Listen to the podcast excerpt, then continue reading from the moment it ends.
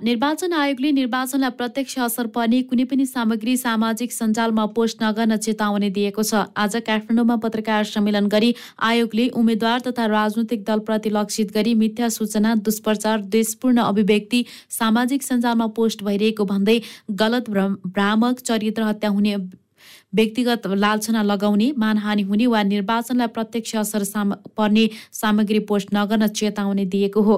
पत्रकार सम्मेलनमा प्रवक्ता शालिग्राम शर्मा पौडेलले आयोगको निर्देशन परिपालना नभए कानुन अनुसार कारवाही गरिने जानकारी दिनुभयो।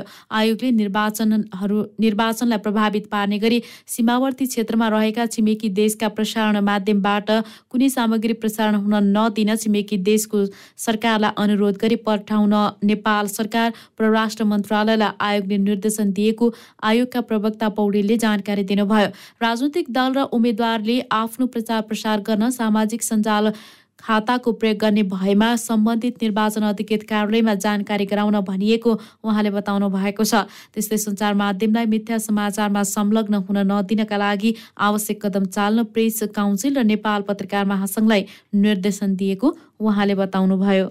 उम्मेद्वार तथा राजनीतिक दलप्रति लक्षित गरी मिथ्या सूचना दुष्प्रचार द्वेषपूर्ण अभिव्यक्ति सामाजिक सञ्जालमा पोस्ट भइरहेको र यस्ता गलत भ्रामक चरित्र हत्या हुने व्यक्तिगत लान्छना लगाउने मानहानि हुने वा यस्तै प्रकृतिका निर्वाचनलाई प्रत्यक्ष रूपमा प्रभाव पार्ने यस्ता प्रकृतिका कार्य कुनै पनि हालतमा नगर्न नगराउन सबैमा आयोगले कडा चेतावनी दिन्छ। त्यस्तै निर्वाचन आचार संहिता दुई हजार अठहत्तरमा मिथ्या सूचना दुष्प्रचार र देशपूर्ण अभिव्यक्तिलाई निषेध गरिएका प्रावधानको बारेमा सामाजिक सञ्जालका कार्यालयहरूलाई ती देशमा रहेका नेपाली राजदूतावास मार्फत जानकारी गराइएको प्रवक्ता पौडेलले बताउनुभयो। यसैबीच नेकपा माओवादी केन्द्रका नेता वर्षमान पुनले निर्वाचन आयोगको भूमिकाप्रति असन्तुष्टि व्यक्त गर्नुभएको छ। मे दिवसका अवसरमा पार्टी निकट अखिल नेपाल ट्रेड युनियन महासङ्घले आज काठमाडौँमा आयोजना गरेको कार्यक्रममा पुनले उम्मेद्वारी फिर्ता लिने विषयमा आयोगले निष्पक्ष भूमिका निर्वाह गर्न नसकेको बताउनु भएको हो। उहाँले कुनै स्थानमा रातिसम्म पनि उम्मेद्वारी फिर्ता लिन दिएको र कुनै स्थानमा पाँच बजेसम्म उम्मेद्वारी फिर्ता लिन आयोगले नदिएको गुनासो गर्नुभयो। उहाँले देशभरिका निर्वाचन कार्यालयहरू निष्पक्ष र व्यावसायिक रूपमा सञ्चालन हुनुपर्ने बताउनु भएको छ। कार्यक्रममा पुनले आयोगका प्रमुख निर्वाचन आयुक्त दिनेश थपलियाले पछिल्लो समय केपी ओलीको बोली बोलीको आरोप लगाउनु भएको छ। थपलियाको मतपत्र बलियो कागज राखेका छौँ। अब चपाउन च्यात्न सकिँदैन भन्ने अभिव्यक्ति र केपी ओलीको बोली समान रहेको भन्दै उहाँले आपत्ति जनाउनु भयो निर्वाचन आयोग रेफ्रीको भूमिकामा रहेको भन्दै पुनले रेफ्री आफै मैदानमा ओर्लेर खेल खेल्न नहुने तर्क गर्नु भएको छ।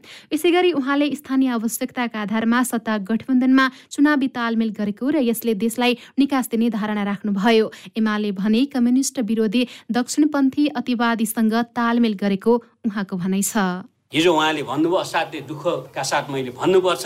हामीले चाहिँ मतपत्र बलियो कागज राखेका छौँ अब चपाउन च्यात्न सकिँदैन भन्नु त्यही कुरो केपी ओलीजीले बोलिराख्नु भएको छ। केपी ओलीजीको बोली र निर्वाचन आयोगको प्रमुखको बोली कसरी मिल्यो? यसमा हाम्रो आपत्ति छ।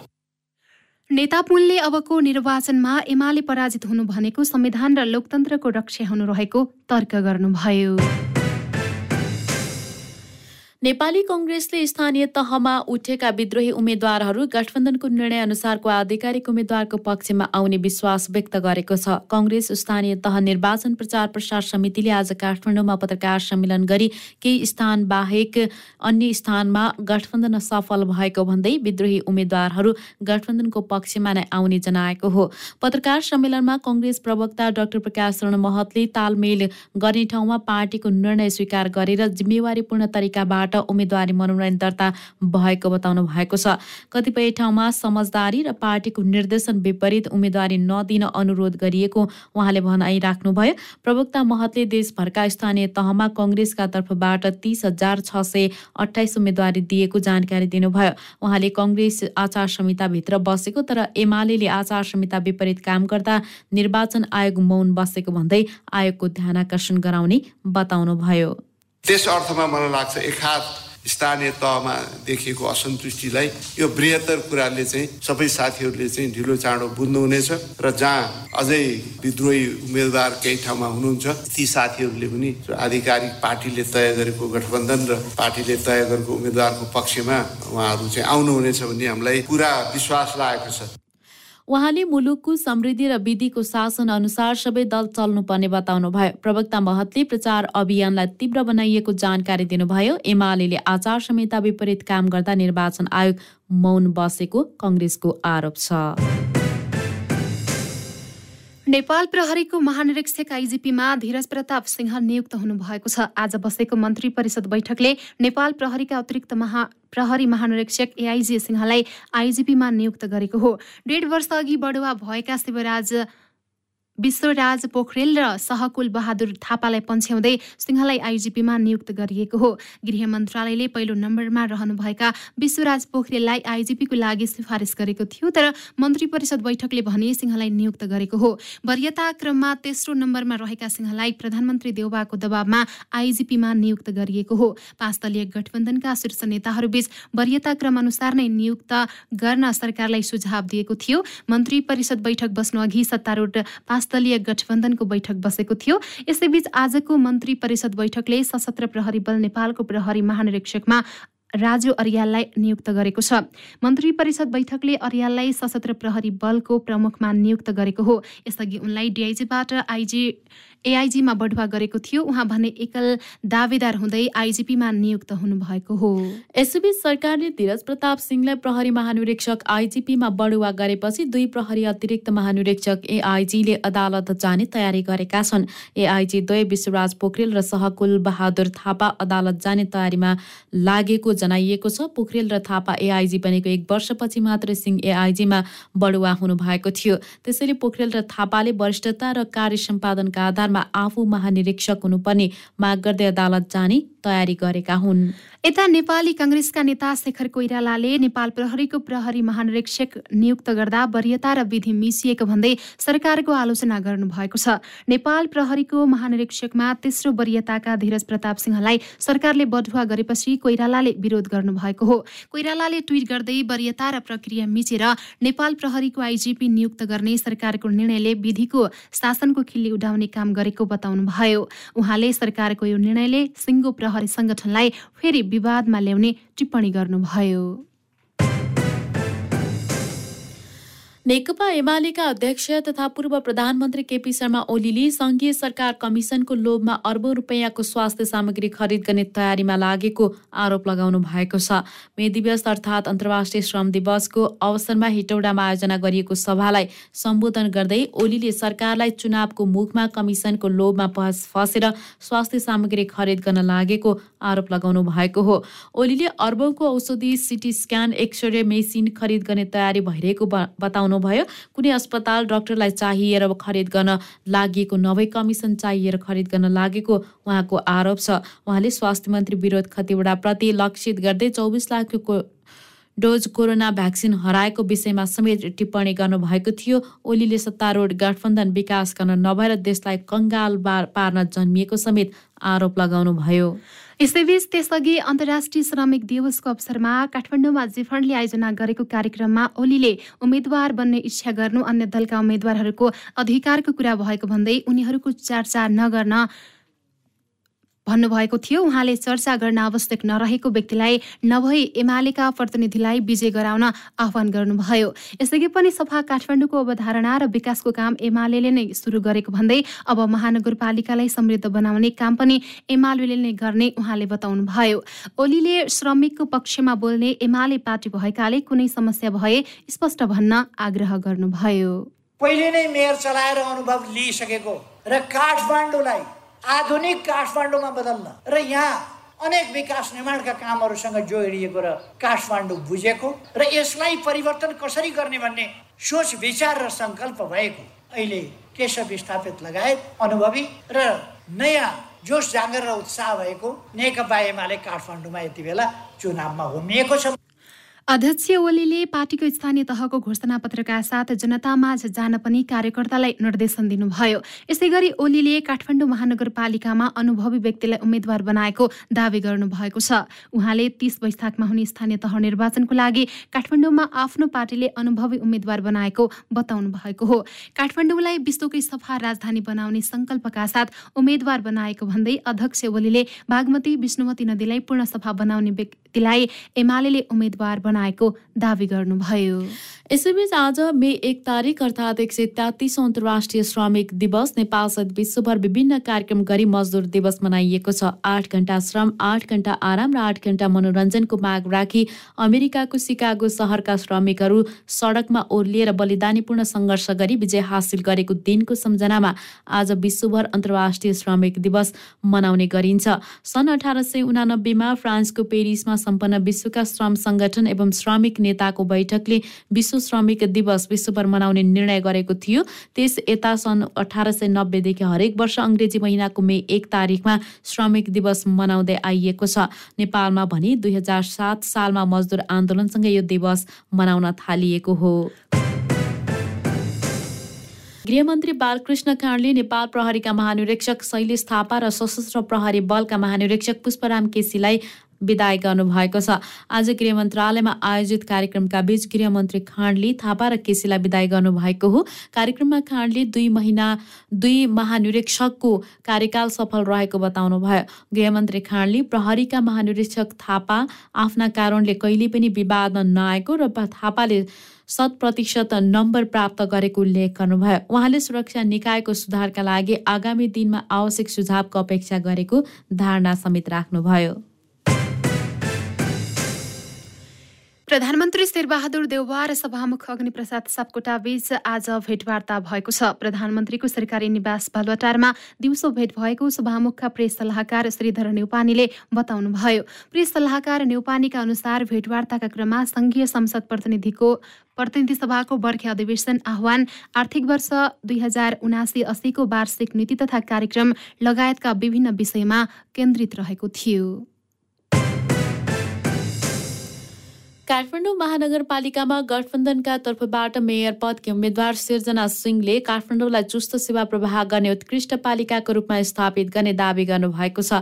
नेविसङ्घ काठमाडौँ जिल्ला समितिले आज काठमाडौँमा गरेको कार्यक्रममा उहाँले काठमाडौँमा काम गर्नका लागि आफू आएको भन्दै चुस्त सेवा प्रवाह गर्ने उत्कृष्ट पालिकाको रूपमा स्थापित गर्ने भनाइराख्नुभयो।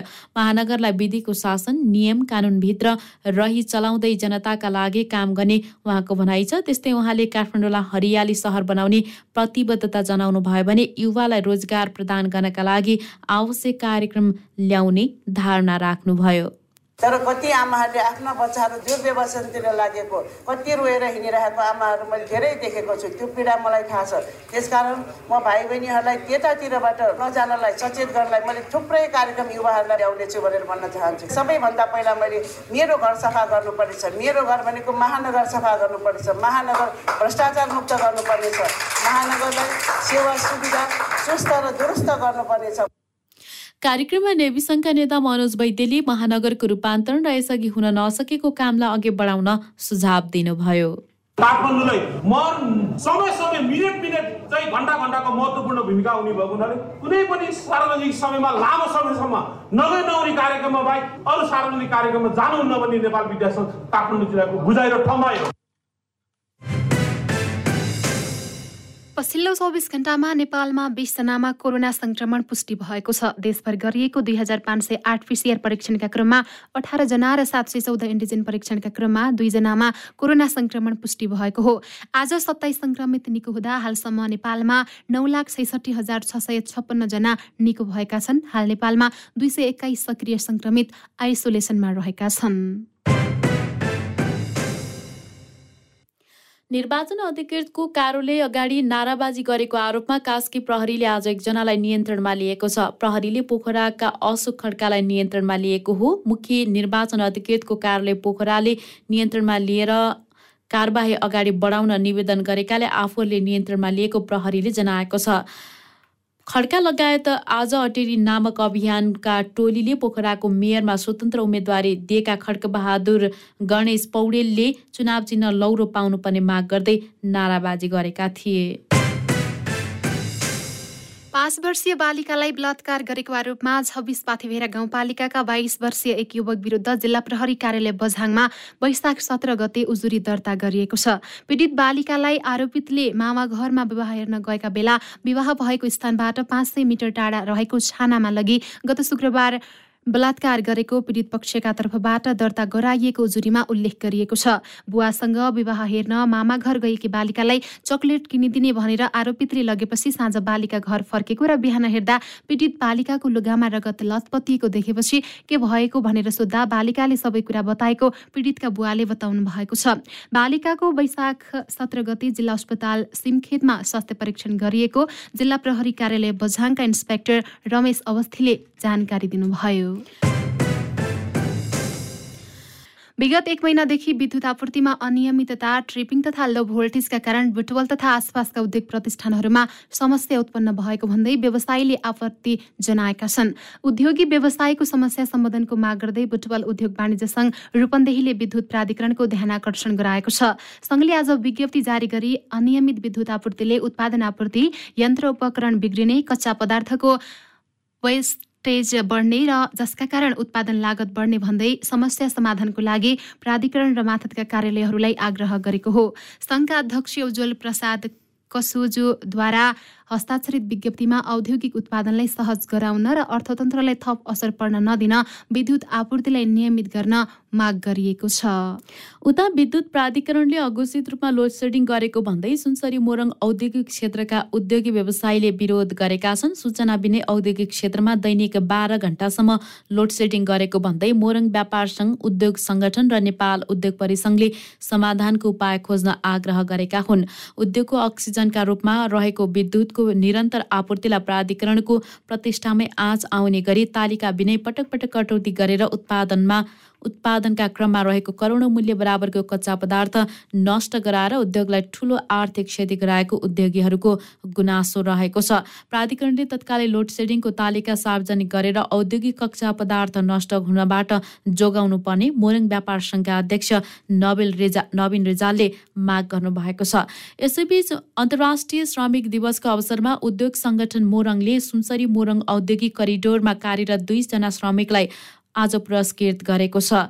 हिमगिरी हाइजिन प्राली बुढीगङ्गामा पच्चिस वर्षदेखि कार्यरत महिला श्रमिक द्रौपदी राय र ज जयश्री कम्पनी प्रालीमा सैँतिस वर्षदेखि कार्यरत श्रमिक महेश चौधरीलाई पुरस्कृत गरिएको हो। उद्योग सङ्गठनका कार्यवाहक अध्यक्ष प्रदीप मुरा मुरारकाले दुवैजनालाई एघार एघार हजार नगद र कदरपत्र प्रदान गरी सम्मान गर्नुभयो।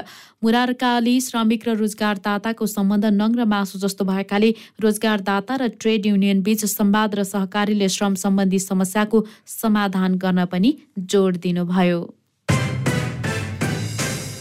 क्यान्डेड न्युजमा अब अन्तर्राष्ट्रिय समाचार इस्लामिक स्टेट आइएस समूहले आज अफगानिस्तानको राजधानीमा एक महिलाको मृत्यु हुने गरी यात्रुबसमा भएको बम आक्रमणको जिम्मेवारी लिएको छ हालै जारी रहेको रमजान उपवास महिनामा गएको दुई हप्ता यता भएका घातक आक्रमणहरूमा परि दर्जनौं व्यक्ति मारिनुका साथै घाइते भएका समाचारमा जनाइएको छ राजधानी काबुलमा भएको बस आक्रमणमा परि एक महिलाको मृत्यु हुनुका साथै अन्य तीनजना घाइते भएका प्रहरीले जनाएको छ गत शुक्रबारको मस्जिदमा भएको बम विस्फोटको जिम्मा कुनै समूहले लिएको छैन तर बसमा भएको आक्रमणको जिम्मेवारी आइएसले लिएको छ। विशेष गरी सुन्नी बहुल रहेको स्थानमा अफगानिस्तानको अल्पसङ्ख्यक सिया र सुफी समुदायहरू लक्षित हालैका हप्ताहरूमा भएका बम विस्फोटन लगायतका आक्रमणहरूको आइएस समूहले दावी गर्दै आएका छन्। तालिबान अधिकारीहरूले आफ्नो सेनाले आइएसलाई पराजित गरेको दावी गर्दै आएका छन् तर विश्लेषकहरूले जिहादी समूह प्रमुख सुरक्षा चुनौती रहेको बताउँदै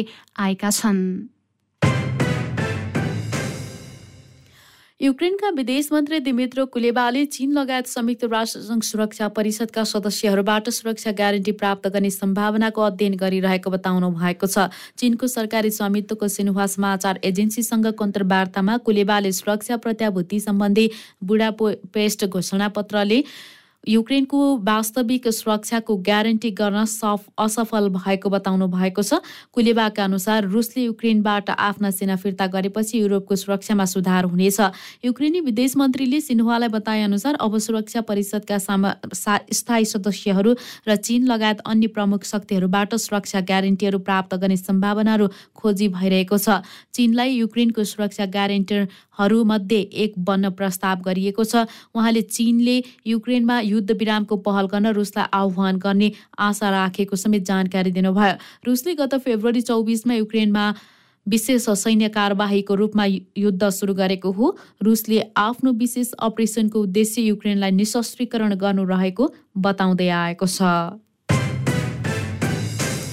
क्यान्डेड न्युजमा अब खेलकुदका समाचार। जिम्बावे ए टिम विरुद्धको पहिलो टी ट्वेन्टी खेलमा नेपाली टिम पराजित भएको छ। कृतिपुर मैदानमा भएको खेलमा नेपाल छ विकेटले पराजित भएको हो।